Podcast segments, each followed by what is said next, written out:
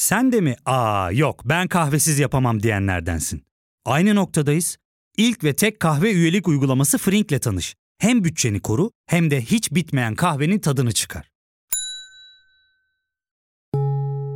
Yakınlarından terapinin onlara ne kadar iyi geldiğini dinlesen de kendin için bir şeylere başlamak zor geliyor olabilir. Ya da sevdiklerine yardım etmeye istekliyken kendi ihtiyaçlarını görebilmek. Hayvel, uzman psikologlarıyla kendi ihtiyaçlarını bulmanda sana destek olacak. Terapi yolculuğuna başlamak için detaylı bilgi bölümün açıklamalarında.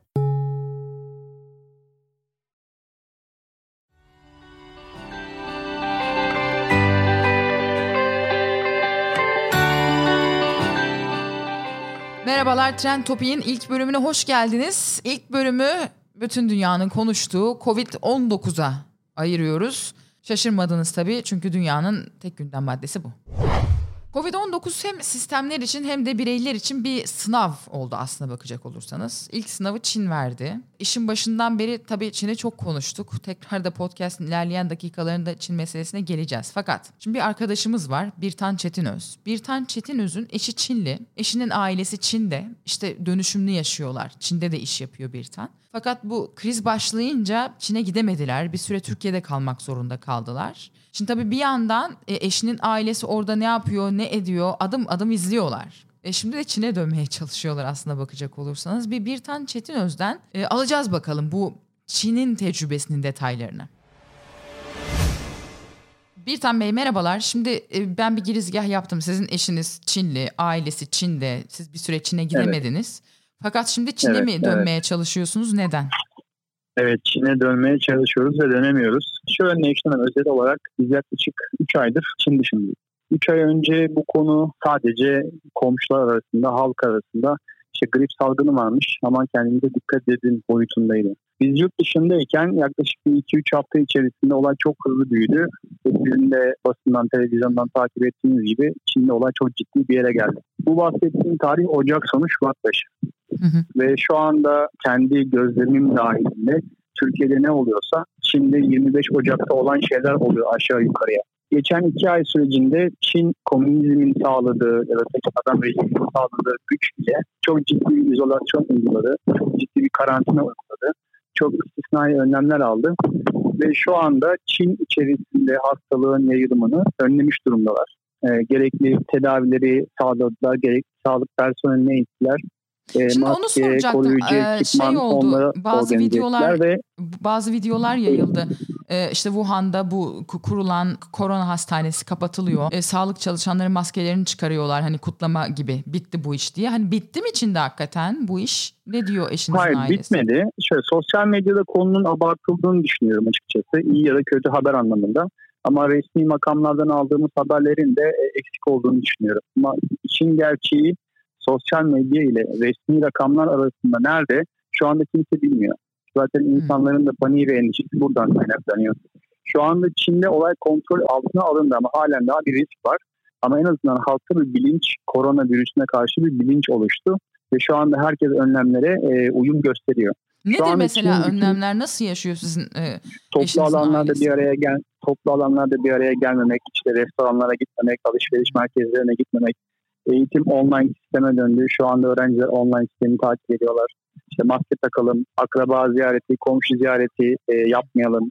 Eğer çok elzem değilse dışarıya çıkmayalım, markete gitmeyelim. Ofise gidişlerde herkes sabah 8'de değil ama 8, 9, 10, 11 gibi bölümlenmiş şekilde işimize gidelim, işimizden dönelim gibi tüm e, önlemlere şu an Çin halkı uyuyor. Şu anda Çin'in bütün konsantrasyonu yurt dışından gelenlere dönmüş durumda. Yani yurt dışından gelen Avrupalılar, Amerikalılar ya da yurt dışında öğrenci olarak ya da iş için bulunan Çinliler şu an Çin'e dönmeye çalışıyorlar. Ve bütün önlemler şu anda havalimanlarında sıkışmış durumda. En büyük korkuları hastalığın tekrar Çin'e dönmesi. Hmm. Siz de bu nedenle Çin'e gidemiyor musunuz, dönemiyor musunuz şu anda? Bizim şu anda gidememe konusundaki en büyük e, engelimiz aslında Çin'e gitmek mümkün. Aktarmalı uçuşlar var. Rusya üzerinden ya da Tayland üzerinden. Bizim şu anda gidemiyor olmamızın en büyük sebebi Türk Hava Yolları'nın uçuşları şu anda kapalı Çin'e. Direkt uçmak istiyoruz. Çünkü aktarma limanlarındaki salgından korkuyoruz açıkçası. Ve şu anda hava limanları, aktarma limanları ve uçak seyahatleri en riskli ortamlar, en riskli bölgeler. İki tane çocuğumuz var o yüzden endişeliyiz. Hmm. Şimdi ama şu anda İzmir'deyiz. Çin e, kontrol altına aldı ama demek ki kontrol altına alması da sosyal izolasyonla mümkün. Yani o zaman anlaşılan bundan sonra Çin'e bakarak anlayacağımız şey dünyanın gerçeği herhalde bu. Sosyal izolasyonla yaşamak olacak gibi mi görünüyor acaba? Aynen Nevşin Hanım. Şöyle ki şimdi bir depremi düşünün. Bir doğal afet gözüyle bakarsak koronavirüsüne bir deprem, tsunami ya da Allah korusun göktaşı düşse yapabileceğimiz hiçbir şey yok. Ama koronavirüsü aslında herkesin kendi alacağı önlemlerle çok rahat önüne geçilebilecek bir doğal afet. Şu anda herkes izolasyon kurallarına uysa yaklaşık 2-3 hafta süresince bu virüsü çok düşük bir zarar ile ortadan kaldırabiliriz. Şu anda elimizdeki en büyük engel sadece Türkiye için konuşmuyorum. İtalya'da da aynı şey geçerli. İran'da da aynı şey geçerli. Devletin aldığı önlemlere halkın uymaması ya da neden uyması gerektiğini bilmemesi hı hı. genel bilinç ve genel disiplin olarak görüyorum. Bir de şöyle ben bir şey, şöyle bir soru vardı. Buyurun. Acaba Çin'in verdiği rakamlar ne kadar doğru? Daha çok insan ölmüş önce, olabilir mi diye. Olabilir mutlaka. Çünkü çok büyük bir kıta, çok büyük bir ana kara. Örneğin Çin'in doğusundan batısına uçak mesafesi de 5,5 saatlik uçuş mesafesine büyük bir ülke. Yani köylerde, kırsalda, belki dağ başında korona dolayısıyla hayatını kaybeden insanlar resmi kayıtlara geçmiyor olabilir. Şu anda salgın sayısı yaklaşık 90 binlere ulaştı Çin'de sadece. Bu 90 bin sayısı Çin'de e, diagnoz edilmiş, teşhis konulmuş e, kişi sayısı. Ama toplum içerisinde kırsalda dediğim gibi ne kadar hasta var onu bilmiyoruz. Bunu ama sadece Çin değil birçok ülkenin de bildiğini hem hasta sayısını hem de koronadan e, vefat eden kişi sayısını tam olarak herkesin bilmediğini düşünüyorum. Anladım. Bu tabii korkutucu. Evet kesinlikle. Teşekkürler Birtan Bey. Ben teşekkür ederim. İyi yayınlar. Sağ olun. Çin'de başlayan salgın pandemiye yani kıtalar arası, ülkeler arası bir salgına dönüştü. Şu anda Amerika Avoid gathering in groups of more than 10 people. Avoid discretionary travel and avoid eating and drinking at bars, restaurants and public food courts. Fransa Même si vous ne présentez aucun symptôme, vous pouvez transmettre le virus.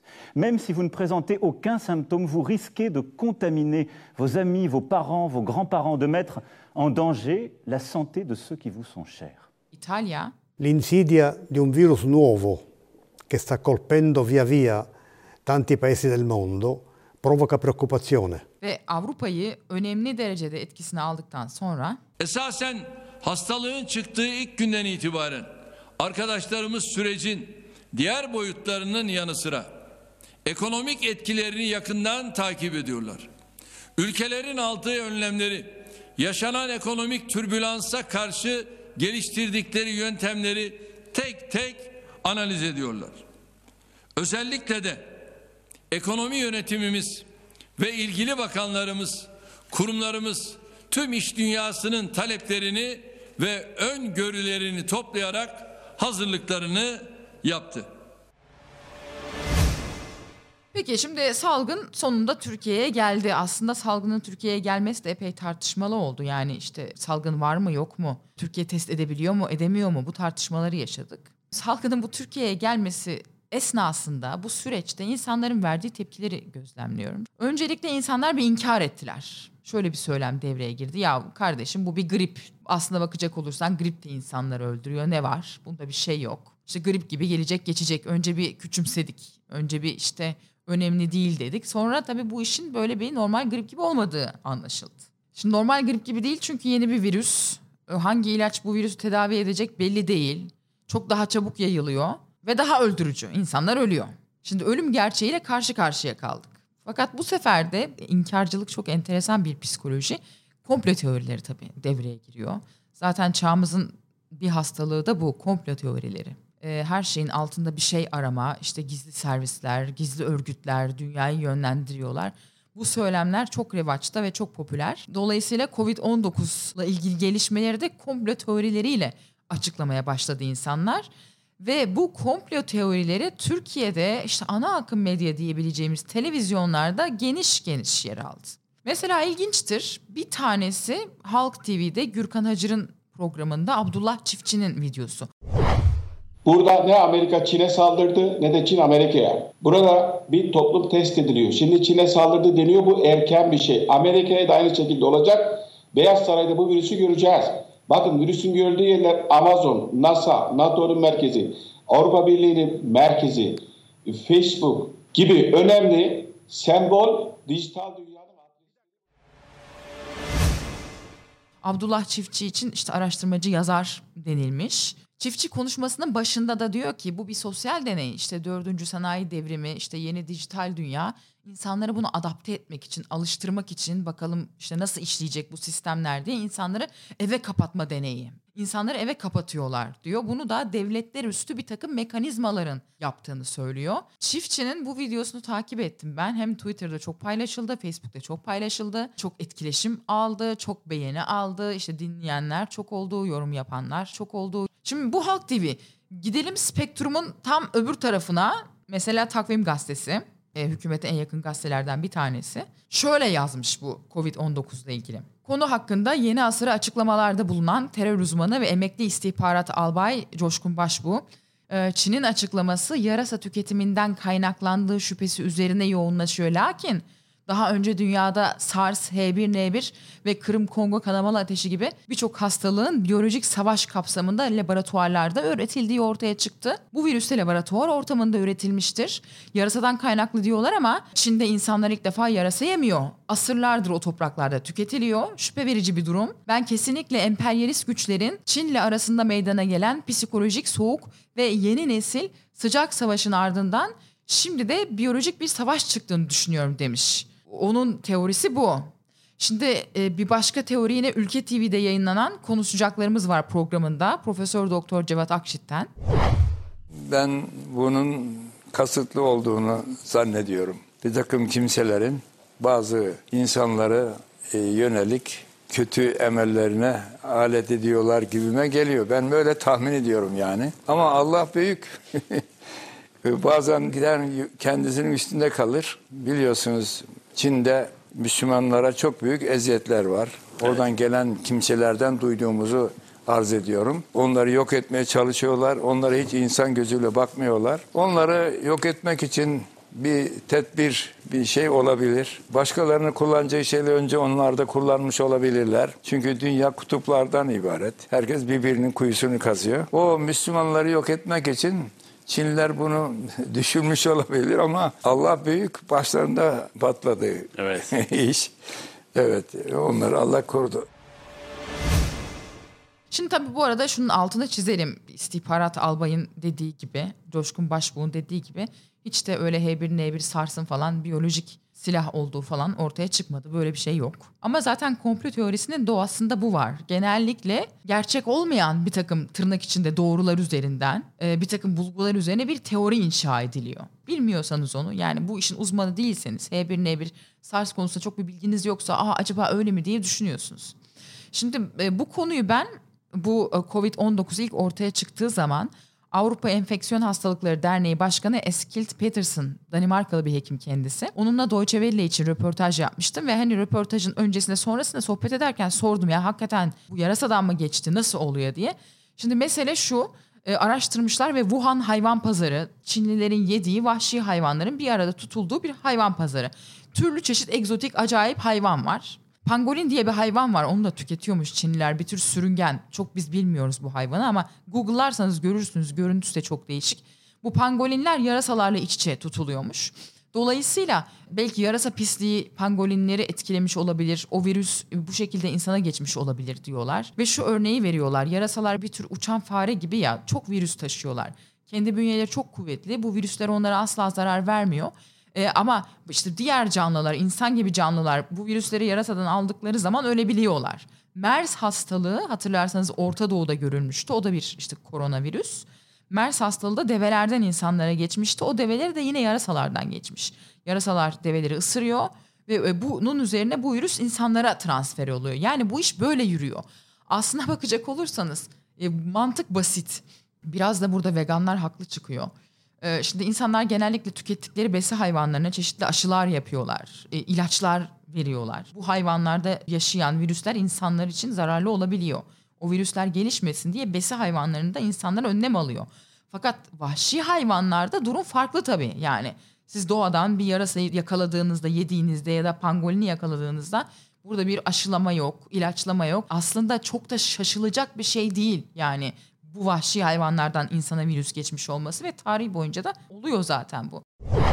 Covid-19'un ortaya çıkması, işte yayılması, e, bununla ilgili bilimsel süreci bilimsel olarak ele alan, açıklayan güzel podcastler var. Fularsız Entellik ve Özgür Mumcu'nun Eray Özel'le yaptığı yeni hallerde bu işe epey detaylı değinilmiş. İlgilenenler için onu da tavsiye ederim. Şimdi bir de tabii bu komplo teorileri WhatsApp gruplarında çok dolanıyor. Gördük hepimiz paylaşımlarda. Hatta bir de Twitter'da şey yazmış. Video bilimsel gerçeklik ya da gerçek bir haber bile diyor bir aile WhatsApp grubuna düştüyse şüphe uyandırıyor diyor hakikaten. Esprili bir şekilde doğru. Çok yanlış bilgi WhatsApp gruplarında dönüyor. Kimileri böyle bir takım eski metinler buluyorlar ya da eski videolar falan buluyorlar. İşte bu videolarda metinlerde koronavirüs ifadesi geçiyor. İşte kimisi 70'li yıllarda yazılmış, kimisi 80'li yıllarda, 90'lı yıllarda çekilmiş falan.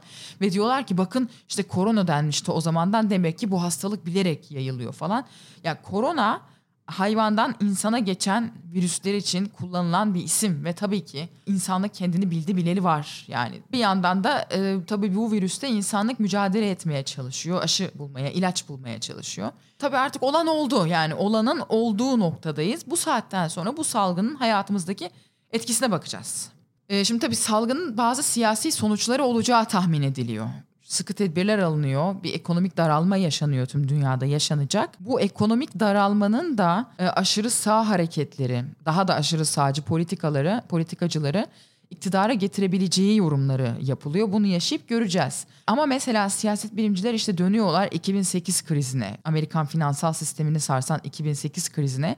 Şimdi 2008 krizi yaşandı, atlatıldı, bitti olmuyor genellikle. Siyasette bu işler böyle. 2008 krizinin doğurduğu bir sonuç aslında Donald Trump. İşte 2008 krizinde ne olmuştu? Büyük finansal yapılar, bankalar çökmüştü. Ve bu bankaların çöküşünün tüm Amerikan ekonomisini etkileyeceğini düşünen politika yapıcılar bu e, bankaları kurtarma yoluna gittiler. Yani vergi verenin parasıyla bu bankaları kurtardılar ve ekonomik daralma yaşandı. Çok sayıda insan işsiz kaldı ve bu Amerikan orta sınıfında yani fakirleşen, işsizleşen Amerikan orta sınıfında bir tepkiye yol açtı. Bu tepkinin sonucu aslında Donald Trump'ın iktidara gelmesi oldu. Yani o ekonomik buhranın etkisini kaç yıl sonra gördük.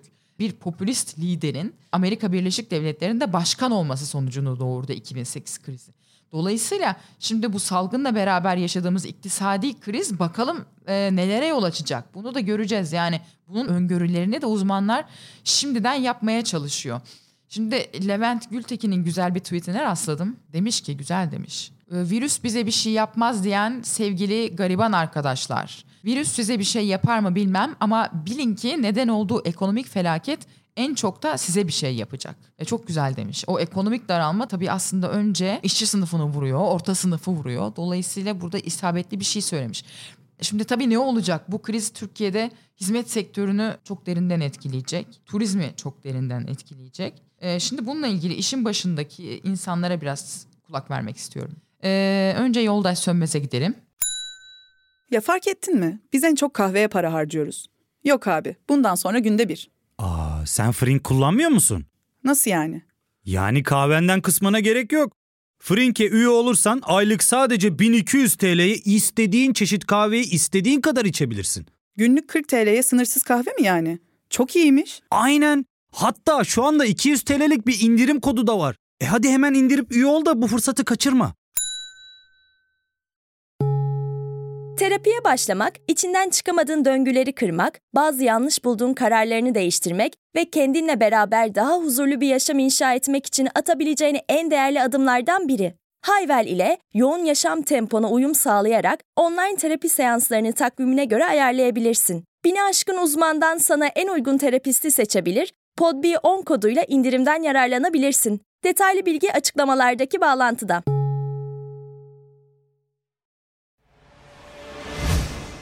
Ee, Yoldaş Sönmez merhabalar. Ent restoranın sahibisiniz siz Bodrum'da. Doğrudur. Şimdi şunu tabii herkes konuşuyor. Ee, herkes etkileniyor bu virüsten. Ama özellikle hizmet sektörü. Sizi nasıl etkiledi bir restoran işletmecisi olarak ve ne öngörüyorsunuz? Benim restoranım sezonluk çalışan bir yer. İlk başta öyle başlıyor. yaz sezonunda açık olan ve kışın kapalı olan ve daha çok fikir ve içerik üreten bir restoran kış aylarında. Şu an için kapalıydı ama Mayıs 13'te açma planımız vardı. Bu gerçeklikte bunu yapabileceğimizi öngörmüyoruz. Ama piyasadaki diğer restoran sahipleri ve şefleri yakın arkadaşım ve hepsi kendi istekleriyle restoranlarını kapadılar. Ondan sonra da zaten e, devlet kanallarından bir açıklama yapıldı ve bu tür işletmelerin süresiz olarak kapatılacağı söylendi. Buna yani kim ne kadar da... dayanabilir? Bu virüs, bu salgın Türkiye'de restorancılığı nasıl etkiler? Siz ne öngörüyorsunuz? Türkiye'deki restorancılığı bitirir bu iş. Ancak ucuz ürün kullanan, az eleman çalıştıran ve çok az kira veren işletmeler ayakta kalabilir. Bunun tam tersi durumlarda mesela rafine yemek yapan işletmeler hem doğru yerde lokantalarını açmak zorundalar hem çok işçi çalıştırmak, aşçı çalıştırmak, çok garson çalıştırmak, birçok insan çalıştırmak zorundalar kaliteyi yüksekte tutmak için. Ee, o restoranlar için ben de bunların içindeyim. Çok zor bir dönem bekliyor hepimizi. Çoğunun da tekrar açamayacağını maalesef öngörüyorum. Bu iş 3-4 aylık bir döneme uzarsa ki uzayacağı çok net gibi görünüyor şu anda. Yani büyük bir ekonomik kaos bizi bekliyor eğer bu virüs işinden bir şekilde sıyrılabilirsek. Nasıl bir tedbir kurtarabilir restorancıları? Aslında benzer bir açıklama Fransa'da yapıldı ve 300 milyar euroluk bir ödenek ayrıldı bu işe. E, bir tek restorancılar için değil, koronavirüsten etkilenecek bütün sektörler için ne kurtarabilir? Kiraların ötelenmesi kurtarabilir. İşte çalışanlara ek yardım yapılması kurtarabilir. Ama kiraları ötelerseniz sadece bu kiralarla geçinen insanlar var. Onları da etkilemiş olursunuz. E, vergilendirmeyi öteleyebilirsiniz. Bir süre hatta ötelemenin dışında bir süre almayacağız diyebilirsiniz. Bu en azından bir nefes alma imkanı sağlar. Yani bir şekilde ortada para dönmesi gerekiyor. Hepimiz şu anda evlerimizde oturuyoruz. Restoranlarımız kapalı ve faal açık olan yerler çalışanlarına ücret vermeye, sigortalarını yatırmaya devam ediyorlar. Maaşlarını yatırmaya devam ediyorlar. Ee, daha önce aldıkları malların ödeme günleri geliyor. Onları ödemek için restoranlarını işletmek durumundalar ki şu anda kimsede bir e, nakit akışı yok. Yani size pembe bir tablo çizebilmeyi çok isterim ama içinde bulunduğumuz durum çok iç açıcı değil açıkçası. Ee, özellikle bizim sektörümüz açısından. Hı hı. Durum bu. Çok teşekkürler verdiğiniz detaylar için. Sağ olun. Ben teşekkür hı hı. ederim Nevşehir. Sağ olun. İyi çalışmalar. Sağ olun. Kolay gelsin. Ee, şimdi Türkiye malumunuz bir turizm ülkesi. Bu kriz, bu salgın krizi turizmi nasıl etkileyecek hakikaten hepimizi ilgilendiren kocaman bir soru işareti. Emre Deliveli ile konuşacağım. Emre Deliveli'yi belki kimileriniz hatırlıyor. Kendisi eskiden Hürriyet Daily News'da ekonomi yazardı, finans yazardı, köşesi vardı. Sonradan işten çıkarıldı pek çoğumuz gibi tabii. Emre Deliveli e, kendisinin bir oteli var Marmaris'te, Emre Otel diye. Ama aynı zamanda ekonomisttir kendisi. Yani bu konuyla ilgili bence sorulabilecek en doğru insan. Emre merhaba. Merhaba Nevşin. Şimdi ne oldu sen e, oteli öteledin mi açmayı? Ne yapacak? Açacak mısın bu sezon? Ne yapacaksın? Yani ilk aşamada e, iki hafta öteledik. 15 Nisan'da açmayı düşünüyorduk. 2 Mayıs aldık onu ki e, hani e, sırf biz diğer Marmaris'teki e, hani sırf Marmaris'te diyor aslında Bodrum, Antalya şu an yani Türkiye'nin güneyindeki sezonluk otellerin hemen hemen hepsi e, bu durumda. Ne olur yani bu işin sonunda Türkiye turizmi ne olur ne bekliyorsun? Aslında yani çok çok belirsiz şu anda. Hani ilk aşamada Nisan ayını kaybettik. İşin orası kesin. Nisan ayında ama zaten Nisan yani bizim bu her şeyde yaz sezonluk yaz turizminin yoğun olduğu bir ay değil de yani yavaşmış. İşte Mayıs'ta beraber başlıyor ama asıl yoğun ay var. Haziran, Temmuz, Ağustos. Tabii burada yani hani bundan sonraki bir ayın, bir buçuk ayın nasıl geçeceği çok önemli. Olur da bir şekilde virüs etkisini yitirmeye başlar, hayat birazcık normale e, dönerse o zaman hani bizim turizm sezonu yine Haziran'da olsa başlar. Ki, ki en yoğun aylar Haziran, Temmuz, Ağustos, Eylül. Çok çok büyük bir kayıplar yaşamayız. O şekilde hani harimize şükredip kapatırız sezonu. Dönerse Ama hani ya normale işte, dönmezse ne olur peki? Dönmezse o zaman yani hani 2020 e, turizm sezonu Türkiye'de ne yazık ki gitti diyeceğiz ki yani hani toplu birçok otel açmaz. ki ciddi kredisi olan oteller bunu ödemekte çok güçlük çeker. Şimdi aniden hani düşündüğünüz bizim zaten Türkiye'nin de turizmde iş yaptığı belli başlı birkaç ülke var. Ben de bu daha çok hani kitle turizmden sezonluk turizmden bahsediyorum. Hani benim de yaptığım Marmaris'teki Antalya'daki gibi İngiliz turistler, Alman turistler, Rus turistler. Hani genelde en büyük çoğunluk buradan geliyor. Şu anda zaten İngiltere uçaklar kapandı. Hı Rusya'da e, uçaklar e, devam ediyor iki, ülke arasında ama orada da yani hani ada zaten Rusya korona öncesinde de ekonomik zorluklar yaşamaya başlamıştı. Çünkü petrol, e, sen de biliyorsun petrol fiyatı çok hızlı bir şekilde düştü. Bir, bir, bir buçuk ayda yaklaşık yüzde yirmi değer kaybetti. Yani zaten yani korona olmasa da Rusya, Rusya zaten Rusya ekonomisi zor durumdaydı. Tabii korona da olunca oradan da e, iptaller başladı. O yüzden yani bu iş toparlamazsa gerçekten Türkiye 2020'de turizmde çok çok az bir gelir kazanabilecek. Peki şey yorumları yapılıyor. Senin bu iktisatçı şapkanla soruyorum. Nasıl ki veba Avrupa'yı dönüştürmüştü? insanlığı değiştirdi, e, yeni bir dönem açtı. E, bu da öyle bir şey yol açacak korona, Covid-19 deniyor. Katılıyor musun? Sen ne beklersin? Evet, bu turizmin dışında soruyorsun herhalde. Yani evet. Genel bir şey açısından ama e, gerçekten bir şey demek çok zor. Yani çok çok ciddi bir şekilde yani abartılıyor da olabilir. Çünkü birkaç ay birkaç ay içinde bir tarihler. Ben de sonuçta tıp uzmanı olmadığım için çok da e, işin detaylarına girmek istemiyorum. Ama hani şu aşamada Almanya olsun, Amerika olsun hani takip üyesinde çok ciddi mavi paketler açıklıyorlar. Zaten Merkez Bankaları faiz düşürüyor. Yani ilk aşamada olan bu. Hani ben şu aşamada daha yok işte şey dijital paraya geçirecek, yok işte IMF'in para, para durumu, SDR resmi para durumu olacak. O tip şeyleri çok ciddiye almıyormuş aşamada ama yani hani zaten işe hani büyük resme bakınca 2008'den bu yana çok ciddi birazcık yani sırf Türkiye'den bahsetmiyorum. Yani bütün dünya ekonomileri bir şekilde ucuz parayla ucuz likiditeyle durmadan pompalanıyordu. Çok yani suni bir genişleme yaratılmıştı ve hani bu korona ona bir noktayı koydu. Hani o açıdan ekonomik anlamda bu tip bor likidite politikaları koronadan sonra sonuna gelmiş olabilir en başta. İkinci olarak da hani e, işin bir de tabii politik kısmı var. Amerika'da Bernie Sanders'ın popülerliği, daha, daha çok popülist ve solcu akımının kuvvetlenmesi. Hı. Bir de hani işin ekonomi yanında bir de politika etkileri de olacak. Yani ya solcu akımlar çok popüler gibi ya da aşırı sağcı akımlar.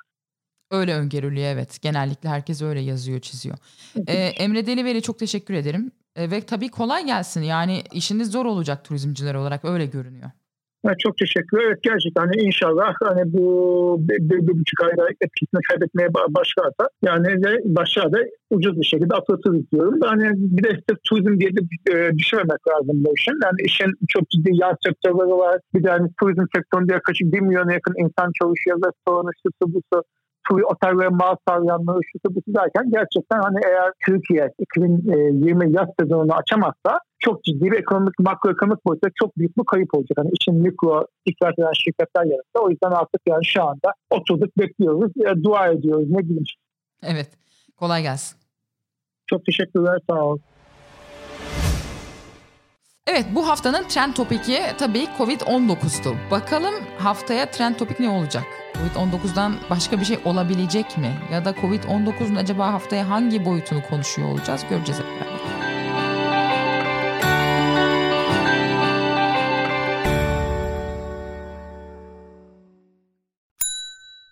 İlk ve tek kahve üyelik uygulaması Frink, 46 ildeki 500'den fazla noktada seni bekliyor.